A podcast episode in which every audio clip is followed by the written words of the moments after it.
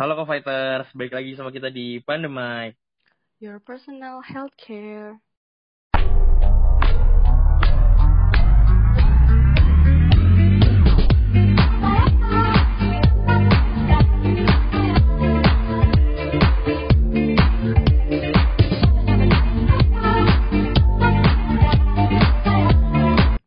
Nah, sebelumnya gue pengen perkenalan diri dulu nih.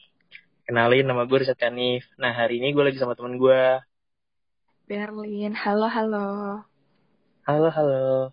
Ber, kira-kira di episode kedua ini, ih, apa sih? Kayak ini banget, banget. lanjut lanjut lanjut. Nah, kira-kira di episode kedua ini kita bakal bahas apa nih, Ber? Bentar, gak bisa gitu dong. Lo kan kemarin gak ikut episode pertama, jadi ya lo masih ada utang sama gue. Gegara belum curcol kegiatan lo selama kuarantin, makanya cerita sekarang. Wajib. Oke, oke. Santai, santai, santai. Nih, gue bakal cerita. Jadi, kegiatan gue selama pandemi ini, yaitu gue kuliah online, rapat online, tapi gue masih nongkrong sih. Tapi tetap gue nongkrong tuh pakai masker, jaga jarak, gitu sih. Gue yakin itu bohong. Gue yakin. Iya, apa sih? Enggak lah. Bener itu, gue jujur. Yaudah, percaya gue. Oke. Nah, Ber, di episode kedua ini kita bakal bahas tentang uh, orang-orang yang terjangkit COVID nih di lingkungan sekitar kita. Kalau lo ada nggak yang terjangkit COVID di sekitar lo? Nah, kebetulan nih, kita tuh bakal kedatangan narasumber. Nah, narasumbernya ini uh, kebetulan tuh teman gue. Mau langsung kita undang aja kali, Ber ya? Boleh, boleh. Hai. Halo. Halo. Boleh dong diperkenalkan Siapa apa namanya? Eh, nama gue Farad. Salam kenal. Salam kenal, Farad. Salam kenal. Nah, gue udah dengar kabar lo tuh sempat terjangkit COVID. Itu gimana sih, Rat, kronologinya? Nah ya, jadi dua bulan yang lalu tuh gue sempet positif. Jadi kronologinya tuh awalnya yang kena nyokap gue. Belum tahu nih dia kena dari mana, tapi waktu itu dia sakit, demam. Eh, dan habis itu coba periksa ke puskesmas. Dan dari puskesmas disarankan untuk tes swab. Ya udah akhirnya nyokap gue tes swab tuh.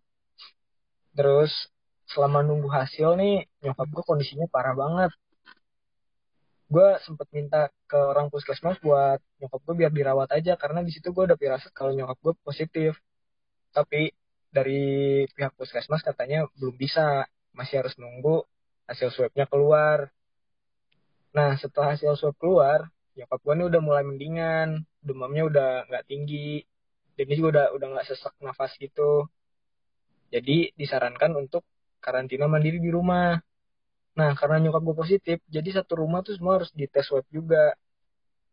Di rumah, eh, yang tinggal di rumah tuh ada bokap gue, adik gue sama gue, sama nyokap gue.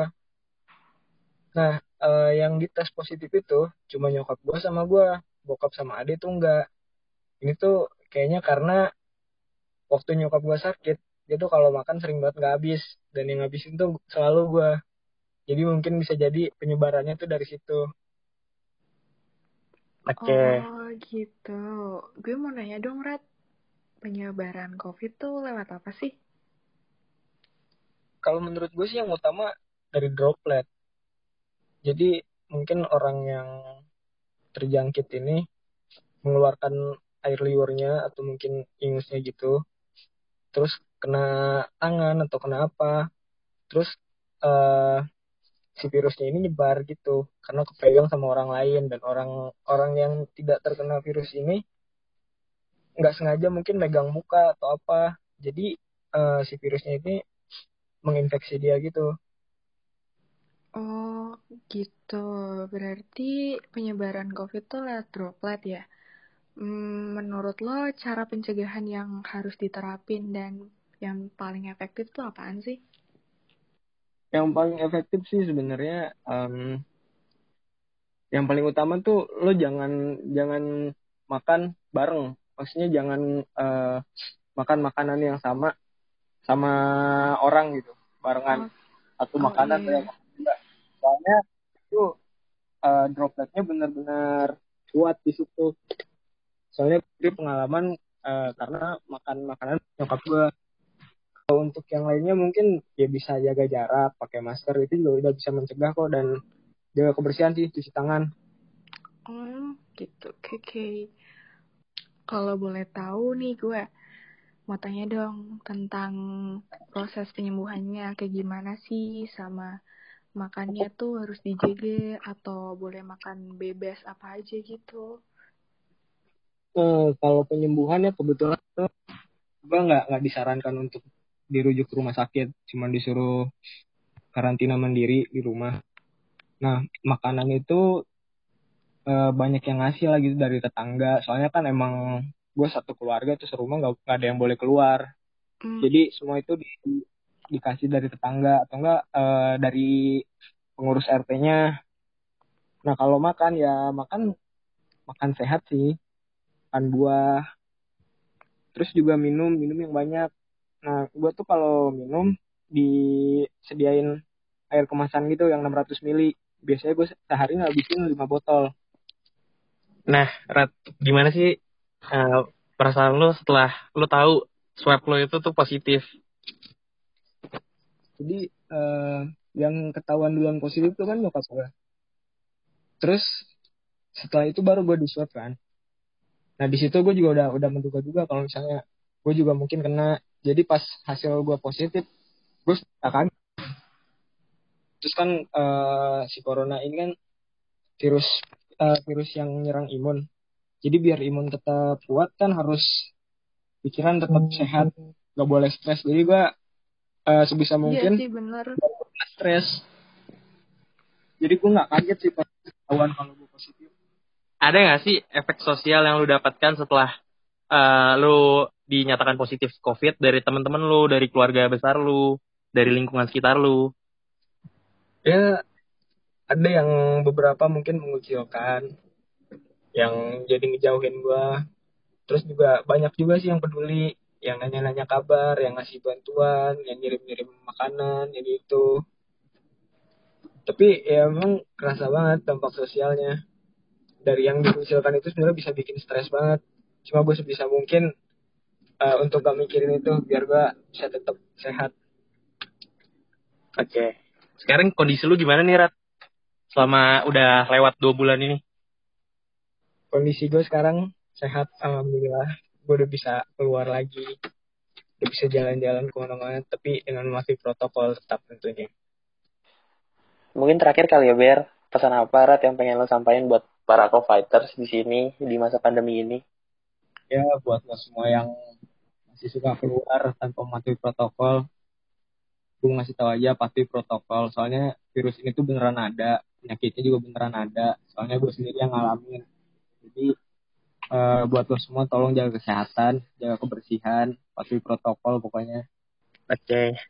Gimana nih, Ber? Tanggapan lu setelah dengar ceritanya Farad? Kalau gue sih kayak prihatin banget ya. Pasti kalau gue lagi di posisinya si Farad kan panik banget. Kayak gimana ya COVID tuh kan nyawa gitu loh tukarannya. Jadi kayak salut banget sih sama Farad bisa nggak panik gitu dan bisa survive gitu. Iya sih, gue juga eh, mengapresiasi Farad sih dia bisa ngelewatin semua ini. Bisa ngelewatin semua semua masalah yang dia dapat dari eh, lingkungan sekitar dia, dia dikucilkan, tapi dia tetap berjuang gitu. Oh ya, sebelumnya kita bilang makasih dulu dong buat Farad. Ih iya, makasih Farad lo udah mau ngeluangin waktu buat sharing pengalaman lo yang benar-benar bermanfaat banget buat nyadarin co-fighters kalau COVID tuh beneran ada dan nyusahin banget. Makasih ya Farad. ya sama-sama Berlin Richard Hmm, mungkin cukup kali sampai di sini dulu kali ya, Ber. Ya, sedih. Iya, sedih. Nanti kita lanjutin lagi kok di episode ketiga minggu depan. Pastinya bakal ngebawain materi yang lebih asik dan lebih seru lagi. Jangan lupa untuk nonton ya. Semoga apa yang kita sampaikan tadi bisa bermanfaat. Dan jangan lupa buat pantengin terus IG Our Health biar tahu info-info update. Iya tuh, sabi-sabi.